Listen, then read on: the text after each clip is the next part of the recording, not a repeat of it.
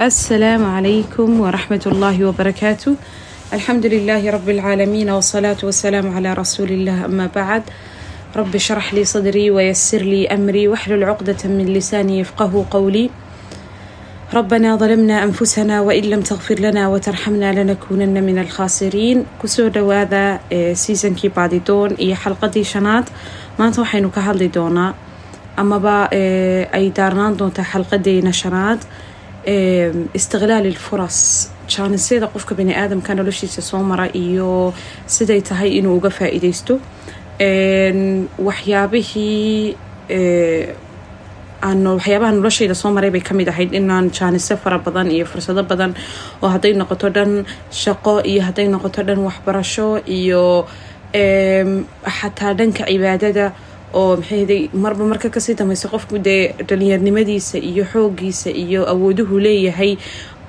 isbedelo fara badan baa nolosha ku imaada. Xataa jaaniska markaad hayso awood baad u leedahay inaad waxyaabo fara badan qabato cibaadooyin fara badan oo aanad samayn karaynin markaad mashquusho aad qabato. Marka waxyaabahan aada iyo aadka iskugu canaantay ka mid tahay inaan jaaniso badan iyo fursado badani aan soo dayacay marka waxay noqotay waxyaabahan ay khasab tahay inaan wax ka baadho oo aan baadidoon u galo inaan ogaado sidaan jaanisyada uga faa-iideysan lahaa. Waxyaabaha igu kalifaya inay fursado fara badan iga dayacmaan. Kolley dhammaanteen isku wada mid baynu nahay. Waa waxaynu wada baahannahay inaynu ogaano sidee fursadaha looga faa-iideystaa fursaduhu sidee inoo soo maraan waqtiga sidee loo ilaaliyaa. Waxyaabahaasoo dhan waa wax dhammaanteen aynu ka wada simannahay marka insha allah biidnillaah maanta mawduucaasaan ayaan insha allah soo xulay oon doonay inaynu kaga hadalno seasonkan xalqadiisa shanaad waynu maqalnaa oo maxayhday ama waynu aragnaa nolosheena intaynu nool nahay. Dad fara badan oo maxayhday nolosha meel wanaagsan gaadhay. Waxyaabo fara badan ay noloshooda jeclaan lahaayeen ay u suuro gashay. Waxyaaba aynu isweydiino waxaa ka mid a qofkani halkan siduu ku gaadhay maxaa keenay inuu halkan maalan heerkan oo cibaadada ka gaadho. Dad baad yaabaysaa yani intay maalan dhanka cibaadada markaan ka hadlayno intuu qofkaasi salaada tukado kadibna uu fadhiisto ayuu toban daqiiqo iyo wax ku dhow aanu daqiiqadiis dhaqaajinaynu ducaysanayayo qaarad xaalad khushuuc iyo deganaashiyo itizaan uu ku jira. Maxaa keenay markaad isweydiisa qofkani? Yani waa qof time waxaan geliyey u sabray fursadihii ilaahay subxana watacaala siiyey uu ka faa-iideystay dhammaanteen waa wada haysanaa jaaniskan inaynu waxaan samayno. Laakiin waxaa inagu yar samirkii iyo dulqaadkii aynu waxaan ku qaban lahayn. Marka waxaad arkaysaa qofkana wejigiisa ifayo salaadiisa khushuuc badani ka muuqato waxyaabo fara badan oo jeclaan lahayd inay noloshaada ku jiraan ayaad ka dhex arkaysaa. Marka waad isweydiinaysa horta mustawahan siduu qofkani ku gaadhay ya ama guushan suu ku gaadhay. Xataa shaqada markaad kariyarka shaqada eegayso ganacsiga markaad eegayso dadka oo dhan yani dadka guuleystay ee noloshooda yani aad ku dayanayso ama aad eeganayso kariyaradooda say ku gaadheenba. Mar walba waxaad isweydiinaysaa nolosha fursadahan iyo jaanisadan waxaa lagu oranaya maye ninka kan aabihiibaa taajir ahaa iyo hooyadeed baa maxay ahayd iyo qabiil hebel buu ka soo jeedaa iyo saasay waxaan ugu galeen iyo waxaasi wax adduunka ka shaqeeya maaha. Waa laga yaabaa inay tahay asbaab yani qofka waxaan u fududayn kara laakiin ficliyan marka laga hadlayo wax guuleysta ama ganacsi guuleysta wax shay kastuu qofku qabanaya kama soo haro isagu dadaalka uu ku bixiyo juhdiga uu ku sameeyo. Taasaa markaa qofka u fududeysa inay inay u hirgalaan wuxuu doonaya iyo inuu jaanisada soo maraya ka faa-ideysto waayo kulligan jaanisa weyna soo maraan lakiin waxaynaan aqoon si aynu uga faa-ideysanano ya marka jaanisku hadduu yahay mid yar iyo hadduu yahay mid weynba labadaba qofku wuxuu isku dayaya ama qofka dadkaa guuleysta waxay ku dadaalaan inay meelkii siday uga faa-iideysan lahaayeen ay ka fikiraan. Marka waa skiil iyo mahaarad la barto inuu qofku yaqaan sida jaanisada iyo faraska looga faa-iideysto ya. Haddaynu u soo noqono qeexitaankeeda waxaa laga wada inuu qofku jaanis ka faa-ideysta waxa weeya waxaa la yihi waa skiil u baahan qofku inuu barto una fiirfiirsado jaanisada soo maraya. Hadday ugu yar tahay maalintii waxaa lagu leeyahy qofka intaasoo kuna fikradood baa ku soo dhaco maskaxdiisa soo mara. Marka inuu afkaarta tadwiiniyo amaba waxbuu arkayaa koorsbuu meel ka arkaya intaa uu social media aad ku jirtid amaba aada websytada akhrinaysid ama waxbaa ku soo maraya. Marka inaad waxyaabaha tadwiiniso ka fikirto halkay noloshaada ka soo gelayaan iyo siday kuu anfacayaan si aad jaaniska aada uga faa-iideysad ugana qaadatid. Marka waa skiil iyo mahaarad la barto oo afkaartaa kugu soo dhacaysa ama meelaad ku arkaysid ama uu qof kuu sheegayo ood markaa ka faa-iidaysato isweydiiso halkay noloshaada ay ka soo gelayaan. Waxaa la yidhaahaa fursaduhu khasab maaha inay clear noqdaan ay waadix noqdaan ay kuu muuqdaan marka hore halkaad ka gaadhayso.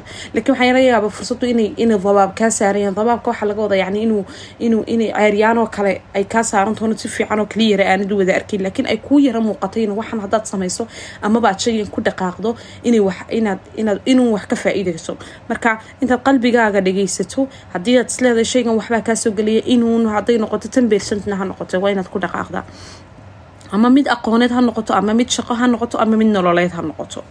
Ya kamana soo hadho fursaduhu inuu qofku khatarta u badheero waayo waxyaabaha fursadaha ina dhaafiyay ka mid tahay iminkan halkan kaga hadli doona insha allah. Shan afar qodob oo waxaa jira qofka u diiday inuu janisaska iyo fursadaha nolosha soo maraya uu ka faa-iideysto ya inta u badan yacni furta koobaad waxa weeyaan dadku waxay aada iyo aad iyo aad iyo dhammaantiinba dabcan dadku kaliya maha aniguna aan idinka mid ahay waxyaabahan aadka iyo aadka u jecelnay waxaa ka mid a inaynu ku jirno conversonka mandaqata raaxa qofka inuu dareemayo inaan amni ku dareemaya halkan joogo yacni shaqadan aan ku jiro amni baan ku dareemaya xaafadan aan deganahay amni baan ku dareemaya aqoontan intaan aan haysto amni baan ku dareemaya ma raba inuu qofku khatar u bareero marka intaanad khatar u bareeraynin eed doonaynin inaad wax cusub qabatidba dee fursadaha iyo jaanisada ku soo maraya kama faa-iideysan kartid ya marka daa'iman cabsi iyo xaalad cabsiyaad ku jirtaa waxaad doonaysaa inaad meel sare gaadho mana doonaysa inaad u bareedhid khatar. Marka taasi waata ugu weyn ee dadka ku kaliftayna janisaska iyo fursaduhu ilaahay subxana watacaala nolosha inagu soo marinayo ina dhaafisa. Marka waa inaad ka takhallustid cabsidaa kaa hor istaagaysa inaad guul gaadho. Cabsidu waa shay wanaagsan oo ilaahay subxana watacaala bini aadamka ku abuuray oo afarta dareemayaale ugu qiimaha badan bay ka mid tahay. Bini aadamka ilaahay ku abuuray oo marka sida wanaagsan loo adeegsado waayo haddaynaan ilaahay ka cabsanaynin waxyaabo fara badan nolosha kamaynaan tagnayn haddaynaan cabsanaynin dee maxay hiday gawaadhideen isku dhigi lahayn? Cabsidani waa dareen si togan iyo si toban labadaba loo isticmaali karo. Marka waa inaad iska ilaaliso markuu dhanka fursadaha iyo janisaska iyo kaasoo galay markaad wax tijaabinaysa iyo waxyaabaha. Waa inaad isku dayi kartid inaad waa wax wanaagsan qofku inuu boqo laakiin waa inaad ka takhalusi kartid ood odhan kartid waxaan waxaan u baahanahay inaan tijaabiyo horta aan ka warkeeno. Tamaam? Famarkaa waa inaan ka takhalusno horta mandaqata raaxa inta aad confersonkaaga ku jirto oo aanad doonaynin inaad ka dhex baxdo daa'iradaa yaree amniga aad ku dareemayso yaa? Waxba kuma suurad fursadna kama faa-iideysan karaysid taasi waa ta koowaad. Laba dayacaada waqtiga waqtigu waxyaabaha ugu qiimaha badan oo xalqad buu keligii u baahan yahay in lagaga hadlo sida waqtiga loo ilaashado. Laakiin waxyaabaha ugu waaweynee fursadaha dadka dhaafiya waxaa ka mid a qofku inuu timekiisa dayaco inaanu waqtigiisa manage garaysnayn ama time garaysnayn kadibna waxaa laga yaabaa inay fursad aqooneed qofkan soo marto oo uu ku dayaco inaanu waqti u haynin amaba noloshiisa isku wada dhex daadsantaha marka mar walba fursadu maaha mid laguusi diyaarina lagu ohanay janis baa ku soo maraya hebelow sii sug kuma imanayso adoo iska ciziga mashquulkaaga waqtigaad ugu mashquulka badan tahay bay fursad khatari ku soo mari kartaa marka waa inaa hadday timekaagu ku manage garaysayaa noloshaada aad kala tartiibsan tahay garanaysad waxaan goortaad qabanayso saaad u samaynayso imisaad waqti u haysaa si unbaad markaa janiskii fursadda ku soo martay aada uga faa-iideysanaysaa marka taasina waa muhiim qofku inuu time management yeesho oo waqtigiisa u tartiibsanaado qodobka saddexaad waxa weeyaan inuu qofku ay ku xeersan yihiin dad aan ku caawinaynin faraskii jaanisada ka faaideysto ama makaan meeshii saxdaha aan noloshiisa joogin. Markay qofka ku xeersan yihiin dad daa'iman ka sheekeynaya waxyaabaha salbiga ama negativitiga faraha badan ee ka sheekeynaya musiibo iyo balaayo iyo wax fashilma iyo haddaad tiraa waxaasan qabanaya lagu oranayo may ha qaban ha samaynin waxanaa kugu dhici naa waxaanaad khasaariya iska daa dad saasoo og daa'iman mar walba balaayo ka sheekeynayo musiibo iyo wax la rugmada iyo waxaan la qaban karayn iyo waxaasan ka waramay markay kugu xeersanyihin khasab fursadu way kaa baxsanayaan way kaa tegayaan waayo way ku cabsi gelinayaan. Tamaam marka waxaad u baahantahay dad kaa sareeya dad hanle dad doonaya inay nolosha meel ka gaadhaan oo kuga caawinaya inaad fursadaha iyo jaanisada ku soo maraya ka faa-iidaysto ku odhanaya ku dhaqaaq tijaabi maxaad khasaaraysaa haddaad fashilanto waa caadi. Mar labaad iyo mar saddexaad iyo mar afraad bood xaawili kartaa waanaad isku dayi kartaa waanaad ka faa-iideysan kartaa taasina waa taas qodobka afaraad waxa weeyaan inuu qofku la habsaamo jawaabta. Mathalan fursad markay ku soo marto inaad ka fikirtid waqti badan dabmaan sameeya oo taradud fara badan iyo werwer fara badan iyo uu kugu jiro maan qabtaa man iska daaya haddaba maxaan yeelaa hebel maxay kula tahay? Ood kolba qof tagtid intaad wixii wadwadideen fursadii jaaniska ku dhaafaan. Marka waa inaad go'aan qaadasho deg dega leedahay fursadu markay ku soo marto tamaam qaadashada degdegiina waxay keenaysaa qodobka kale iminka aan ka hadli doonee ah sidee uu qofku fursada uga faa-iideystaa si aada go'aan dhabo saxa u qaadatid waa inaad naftaada taqaanid. Naftaadu maxay ku fiican tahay? Maxayse ku xuntahay maxaan u baahanay inaan barto? Iyo maxaan maxaanan u baahnayn? Haddaanad kala garanaynba waxaad doonaysa waayo fursado fara badan wayna soo marayaan waa run. Laakiin waa inaad waxaad u baahan tahay inaad ka dhex qaadan kartaa. Khasab maaha inaad fursad kastoo ka soo marta dee aad ka faa-iideysanayso waayo waxaa laga yaabaa in waxna de muhiim kuu yihiin waxna wax iska caadiyo cilmi guudu nolosha ay yihiin. Marka waa inaad exactly shaygaad u baahantahay garanaysa taana ma baran kartid laa naftaada si fiican u taqaanid. Waa maxay kariyarka raba inaan ku takhasuso amaba aan ka shaqeeyo? Amaba waxaysoo kordhinaya amaba aan doonayo ka hooye ahaan haddaan hooye ahay? Maxaa ii muhiima maanta inaan kooras kastoo tarbiyad lagu baranaya aan galo? Ku kastoo nafta lagu horumarinaya aan galo? Ku kastoo aqoonii kordhinaya awlaadeyda aan wax ugu faa-iideynaya aan galiyo naftaydaba? Waa inay kuu kala cadaatad u garanayso waxaad u baahan tahay. Hadda maalan luuqad macayani kuga adagtay wayna tiraad luuqadaasaan u baahanay inaan barto sideen ku heli karaa ku heli karaa wayna internetka gashid kutubta kuga caawinaya soo tadwiinisid haddaad marka koorasee aad baadhid haddaad koorasee bilaasha heshid inaad isku tuurtid gashid wax baratid adigu waqtigaaga iyo timekaaga noloshaada manage garaysid markuu qofku nuqaatil quwa meeshu ka awood ka leeyahy meeshu ka liita saa u garanaya. Waxaa u fududaanaysa marka chanceska soo maraya inuu ka faa-iideysto marka taa iyo tani way isku xidhan yihiin. Qodobka labaad ee qofka u fududeeya inuu fursadaha soo maraya ka faa-iideysto waxaa kawka ah inuu qofku diyaargarow lahaado inuu qofku diyaar u ahaado inuu fursadaha ka faa-iideysanayo soo maro. Hadday noqoto mid cilmiya oo inuu aqoontiisa horumariyo skiiliskiisa horuqaado taasi waxay aada u hoos imanaysaa. Markaynu ka hadlayno shaqada qofku markuu doonaya inuu kariyarkiisa shaqo kor u qaado waa inaad xoog iyo xoog isku horumaraysaa. In badan inta ay dadka kula shaqeeya ay haystaan skills iyo mahaaraad ay nolo yani kaaga horeeyaan intay haystaan ay ku shaqeynayaan waa inaad in ka badan adigu haysata haddii carabi luuqada carabiga lagu shaqeyn waa inaad englishka carabiga isku taqaanaa waa inaad combyuutarka wax ka taqaanaa waa inay mahaaraadkaaga skillskaagu dhisan yihiin waa inaad qof isku kalsoon tahay. Haddii maamul shaqo maamuli soo baxda waa inaad idaarada iyo maamulka wax ka taqaanaa. Courses kastood geli karto oo wax ku kordhinayo noloshaada horumarinayaba waa inaad wax ka taqaanid wax ka qaadatid shaqadii markay soo baxda ama chanskii soo baxba aad noqoto qofka ugu horreeya tartama. Marka taas waxay aada iyo aad iyo aad iyo aad muhiim ugu tahay dhanka shaqooyinka iyo chanceska qofka soo mara. Marka waa muhiim qofku inuu mar walba diyaar ahaado oo xilligaa aad ku jirto yani shaqa aad amni ku dareemaysa aad ku dhex jirto ood confersonkaaga ku jirto inaad is-horumarin joogta ood kor u qaadayso skiliskaaga iyo maxay aqoontaada iyo waxaasoo dhan kor ugu qaadayso.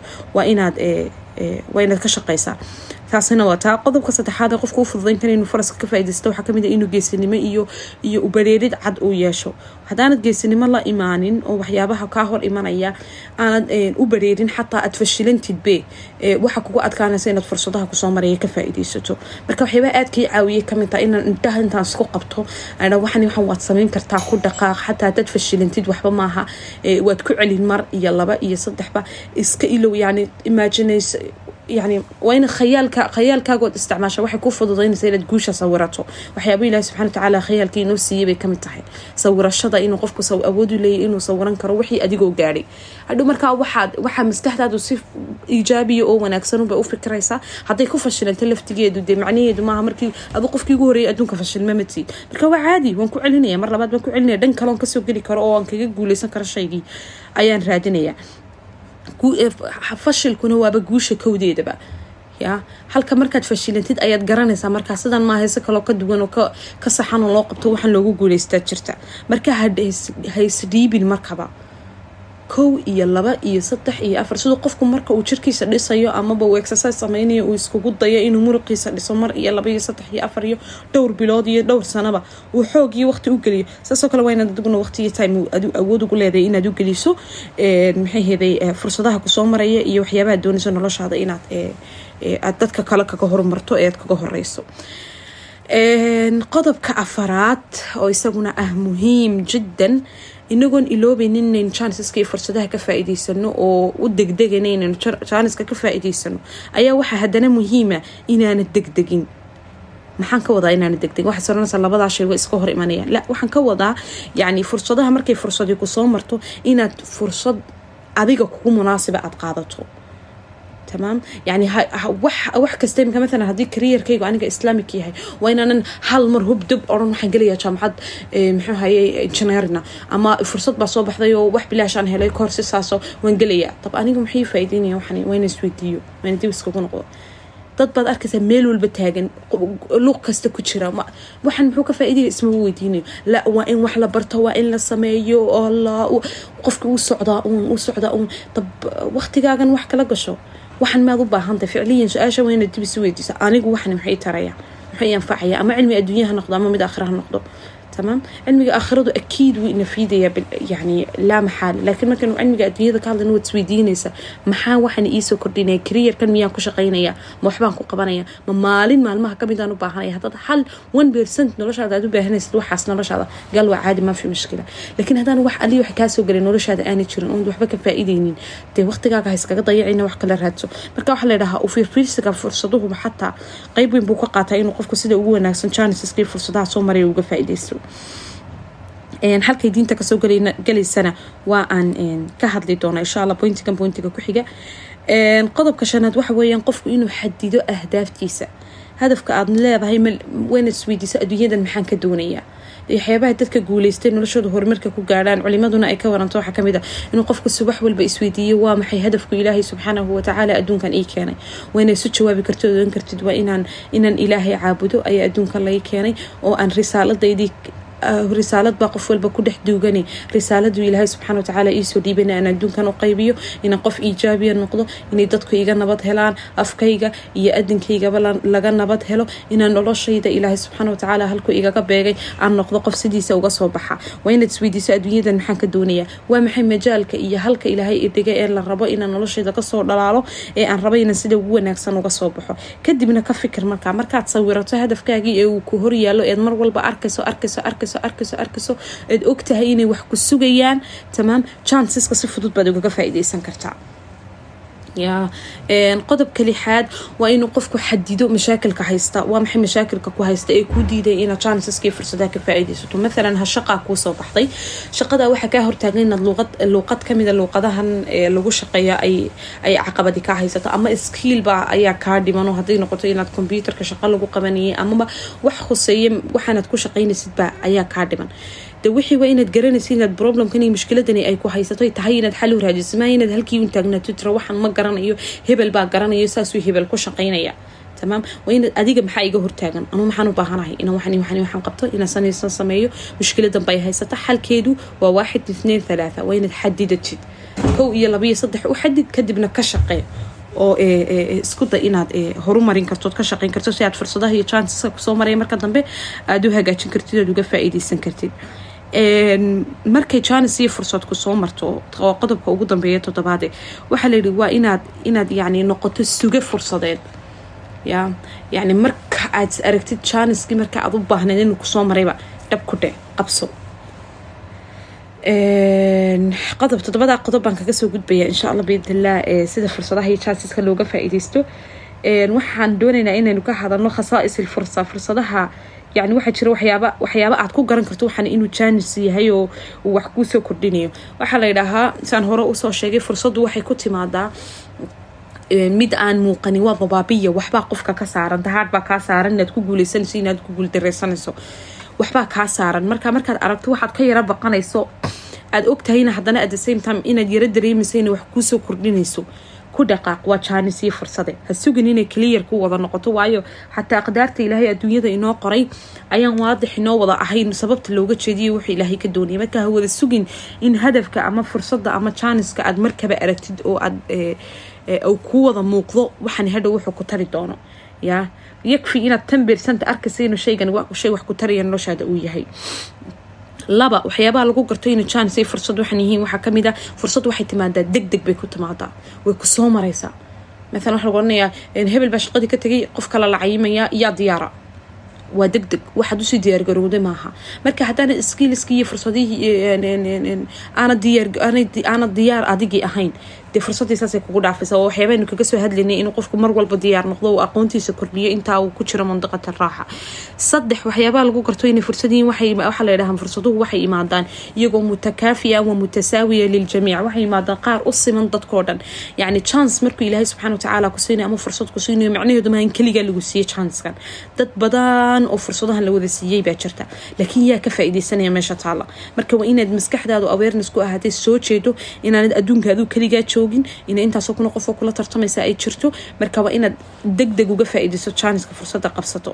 Marka garo inay fursaduhu dadkoo dhan u siman yihiin laakiin ka faa'iidaysigeedu ay dad mucayanuun ay u go-an tahay. Waa dadka waa qofka u diyaarka unbay chanceskaasi unbaa la boodaya. Adiguna waa inaad ka mid noqoto naftaada u sheegtay inaad ka aad dadkaa ka noqoto. Qodobka afaraad waxaa la dhahaa fursadaha dahabigii maaha qaar mar labaad soo noqda. Waxaa jira jaanisyo mararka qaar cajiib oo noloshaada ku soo maraya oo ay tahay inaad sideeda uga faa'iidaysato. Laakiin adigoon maskaxdaadan soo jeedin iyo ogaal la'aan kaa haysa inuu waxan jaanis ilaahay subxana watacaala ku soo maraya mararka qaar bay noloshaada ku soo marayaan dad wanaagsan. Oy tahay inaad noloshaada dadkan ku haysato ood ku fara adeygto ood ku dhegsanaato mararka qaar bay inan wanaagsan ood noloshaada wadaagta ku soo maraysa markaas waxaa kaa dayacaya ama lahwi amaba u fiirsi la'aan qofkan inaad qofkaad u baahnayd nolosha aanu ahayn waxyaaba yaroo maana yacni ku dayacaysa. Mararka qaar bay inanta inan wanaagsan oo qiimadii soo maraya markaas waxay isku dhaafinaysaa iyadoon yacni u fiirsanayno qofkan inuu qofkii saxda u baahnayd ay tahay amaba aanay jaaniska fursada ka faa'iidaysanayn markaase hadhow tolo waxaa lagu calaacala allah haddaan sidaa yeeli lahay alla fursada ay jaaniska haddeen ka faa'iidaysan lahay yaama intay nolosheena dhacdaa marka waxyaabaha wanaagsan ama dadka wan wanaagsan ee nolosheena soo maraya hadday rag noqoto hadday dumar noqoto hadday hataa asxaab noqoto waa inaad ku fara adegto qofka wax kuu kordhinaya qofka noloshaada horumarinaya qofka wax yacni inuun albaab noloshaada ku furi kara aqoon kugu soo kordhin kara cilmi kugu kordhin kara nolol aad la wadaagi karto waa inaad ku fara adeygto marka challenge noocaas oo kale ku soo mara leanna way adkaanaysaa mar dambe noloshaada in furas noocaasi challenge noocaasi uu ku soo maro. Marka waxyaabaha lagu garta weeyaan ama sintamiska ay leedahay fursaduhu taasi waa taas. Haddaynugu gudubno diinteena macaan ee qiimaha leh ee halkii ka soo gelaya mawduucanina waxa weeyaan ilaahay subxaana watacaala suurat alcalaq markuu ka hadlayay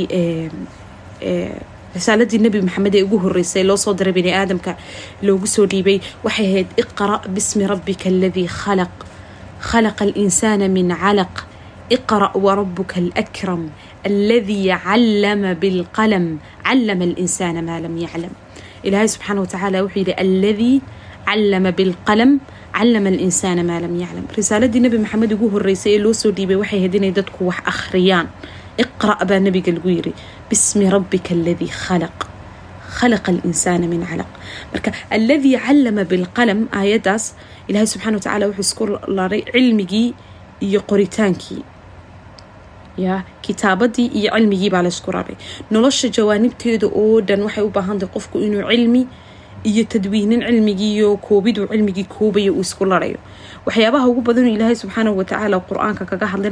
Intaana halkaa ka bixin ahmiyadda ugu weyno ilaahay subxaana watacaala uga dhigay risaalada ugu horeysa waxa weeyaan inuu waxa ugu badan ee qofku ugu baahi badan yahay noloshiisu ay tahay inuu waxna qoro waxna akhriyo. Akhrisku waa waxyaabaha ugu waaweyn albaabada ugu badan ee nolosha qofka bani aadamka u fura. Tamaam. Marka inaad awareness ku ahaato inaad wax badanna akhrido wax badanna aad aad maxaheday aada qortid tamaam oo chanceskiiyo fursadaha ku soo maraysa aad uga faa-iideysatid waa inay aqoontaaduna kor u kacdo tamaam maxay heeday adna waxna adna wax qortid waxna akhridid sidoo kale ilaahay subxaana watacaala ahamiyadda iyo iyo iyo iyo iyo yani ihtimaamka ay diintu siisay waqtiga. Iyo saynan waqtigeena u daryeelna ay tahayna ilaahay subxana watacaala aayado fara badan buu kaga hadlay. Waalfajr waalduxaa waalcasr alleyl annahaar kul hadihi alaayaat waxay ka hadlaysaa ilahi subxana watacala wuxuu ku dhaaranaya waqtiyada.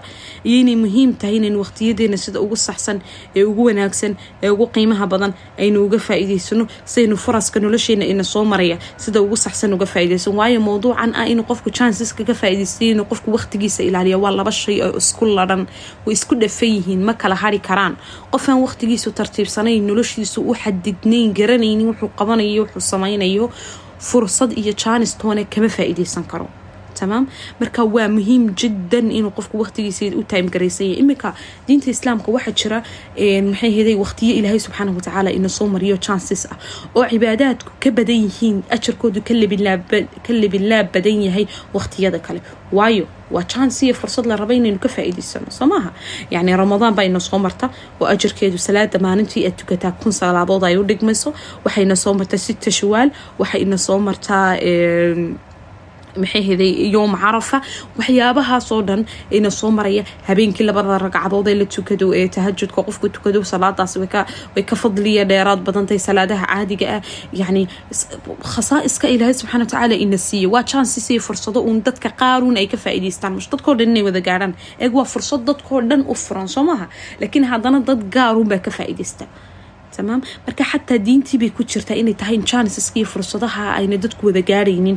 Aada noqoto qof ay u gaarto kuwa ilaahay subxaana watacaala waqaliilun waqaliilun min cibaadiya ashakuur waqaliilun taa dadkaa yare qiladaya ilaahay mar walba qur'aanka kaga waramo aad ka mid noqoto. Marka aynu baranayso inu jaanisyada uga faa'iidaysanano aynu nafaheena u dadaalno adduunyadani waa kifaax waa dadaal waa juhdi waa nololaan. Yacni xayaa wanaagsan mooyaane raaxa ooline layna rabo laqad khalaqana alinsaana fi kabad kadx iyo tacab iyo daalba ayaa ayaa ayaa ayaa bini aadamka laga yani ku abuuray. Fa waa inaynu diyaar u noqono inaynu dadaalno si aynu noloshii raaxada badnayd ee deganaanta badnayd ee xasilaanta badnayd. Aynu u gaadhno ilaahay subxaana watacaala ula kulanno u faraxsanaano aynu u dadaalno nolosha tanna aynu noqono dad risaaladii iyo maxayhday hadafkii loo keenay ka soo dhalaalay oo maxayhday wixii ilaahay subxana watacaala ugu talagalay ka qabtay adduunka. Allahuma inaa nas'aluka bismika alfataax an taftaxa lana abwaaba fadlika waabwaaba risqik subxaanaka allahuma wabixamdika ashhadu an laa ilaaha ilaa anta nastaqfiruka wanatuubu ilayk. Aad iyo aad baad u mahadsantihiin jazaakum allahu khayra waaxsan allahu ilaykum wasalaamu calaykum waraxmat allahi wabarakaatuh